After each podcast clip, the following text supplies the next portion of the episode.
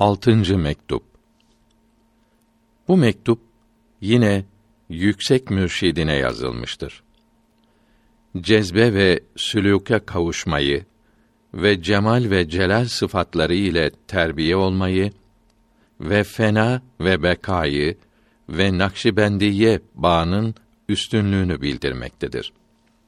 Hizmetçilerinizin en aşağısı olan Ahmet yüksek kapınıza bildirir ki tam mürşit olan Allahü Teala sizin yüksek teveccühlerinizin yardımı ile cezbe ve sülük yollarının her ikisiyle de terbiye etmektedir.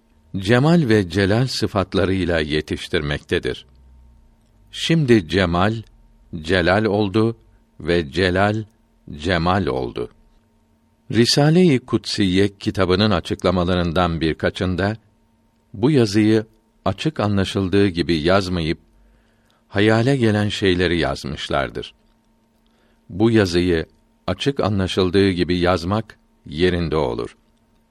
Başka türlü yazmak, anlaşılanı başka şekle çevirmek yersiz olur. Bu terbiye ile yetişmenin alameti zat-ı ilahinin sevgisinin hasıl olmasıdır. Bundan önce bu sevgiye hasıl olamaz. Zat-ı ilahinin sevgisinin hasıl olması fenanın alametidir. Fena masivayı unutmak demektir. Allahü Teala'dan başka her şeye masiva denir. Bütün ilimler göğüsten silinmedikçe tam bir cahillik hasıl olmadıkça fena elde edilemez. Bu cahillik ve şaşkınlık aralıksız olur. Hiç yok olmaz. Bir zaman hasıl olup başka zaman yok olması düşünülemez. Bekadan önce tam bir cahillik vardır. Bekadan sonra bilgi ile bilgisizlik bir arada bulunur. Hiçbir şey bilmez iken şuuru yerindedir tam bir şaşkınlık varken huzur içindedir. Bu makam hakkul yakin makamıdır. Burada bilgi ve görmek birbirine perde olmaz. Bu cahillikten önce bulunan bilginin hiç kıymeti yoktur. Bu cahillik varken ilm de verilirse kendinde olur. Şuhut yani batın ile görmek varsa yine kendindedir. Marifet veya hayret yani marifetsiz olmak, şaşkınlık varsa yine kendindedir. Kendinden başka şeyleri gördükçe kendinde de görmüş olsa dahi ilerleyememiş demektir. Dışarıyı görmesinin büsbütün yok olması lazımdır. Hace Behaeddin Kaddesallahu sırrehül aziz Hazretleri buyuruyor ki ehlullah yani evliya fena ve bekadan sonra her gördüklerini kendilerinde görürler. Her bildiklerini kendilerinde bilirler. Onların hayretleri, bilgisiz olmaları kendilerindedir.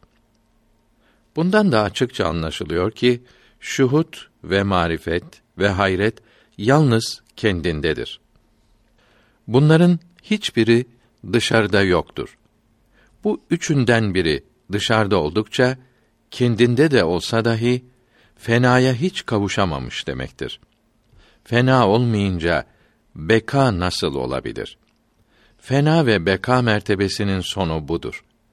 Bu fena tamdır ve tam olan fena her şeyin yok olmasıdır. Beka da fenaya göre olur.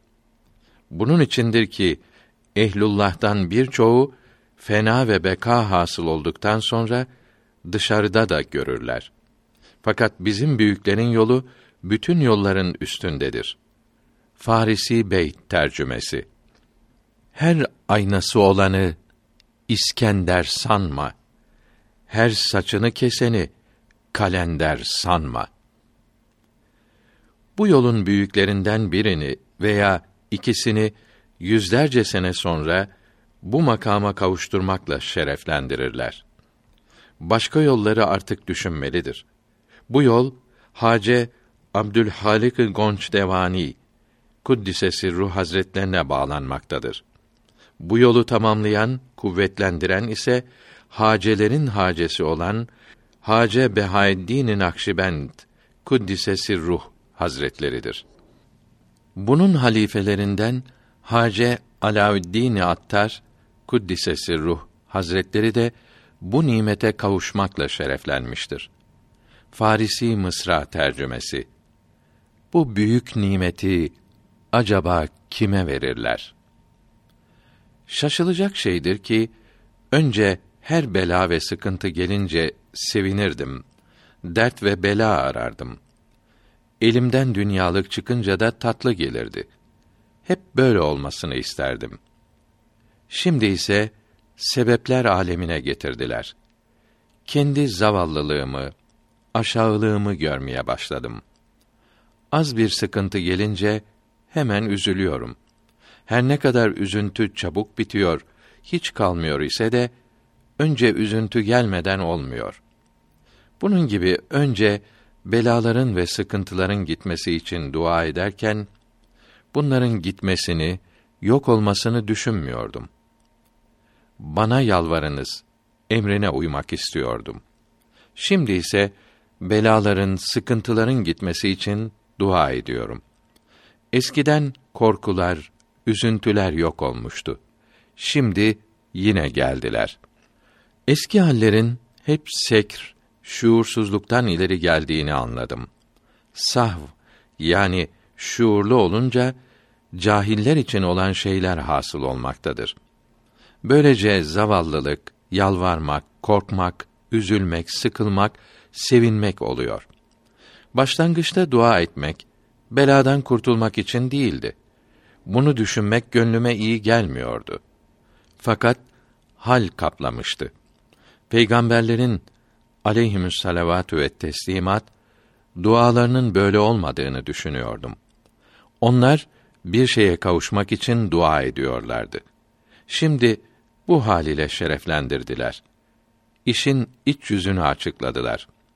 Peygamberlerin aleyhimüs salavatü ve tahiyyat dualarının zavallılıkla, düşkünlükle, korku ile olduğu, yalnız emre uymak için olmadığı anlaşıldı. Yalnız yüksek emrinize uymuş olmak için hasıl olan şeylerden birçoğunu ara sıra bildirmekle saygısızlık yapmaktayım.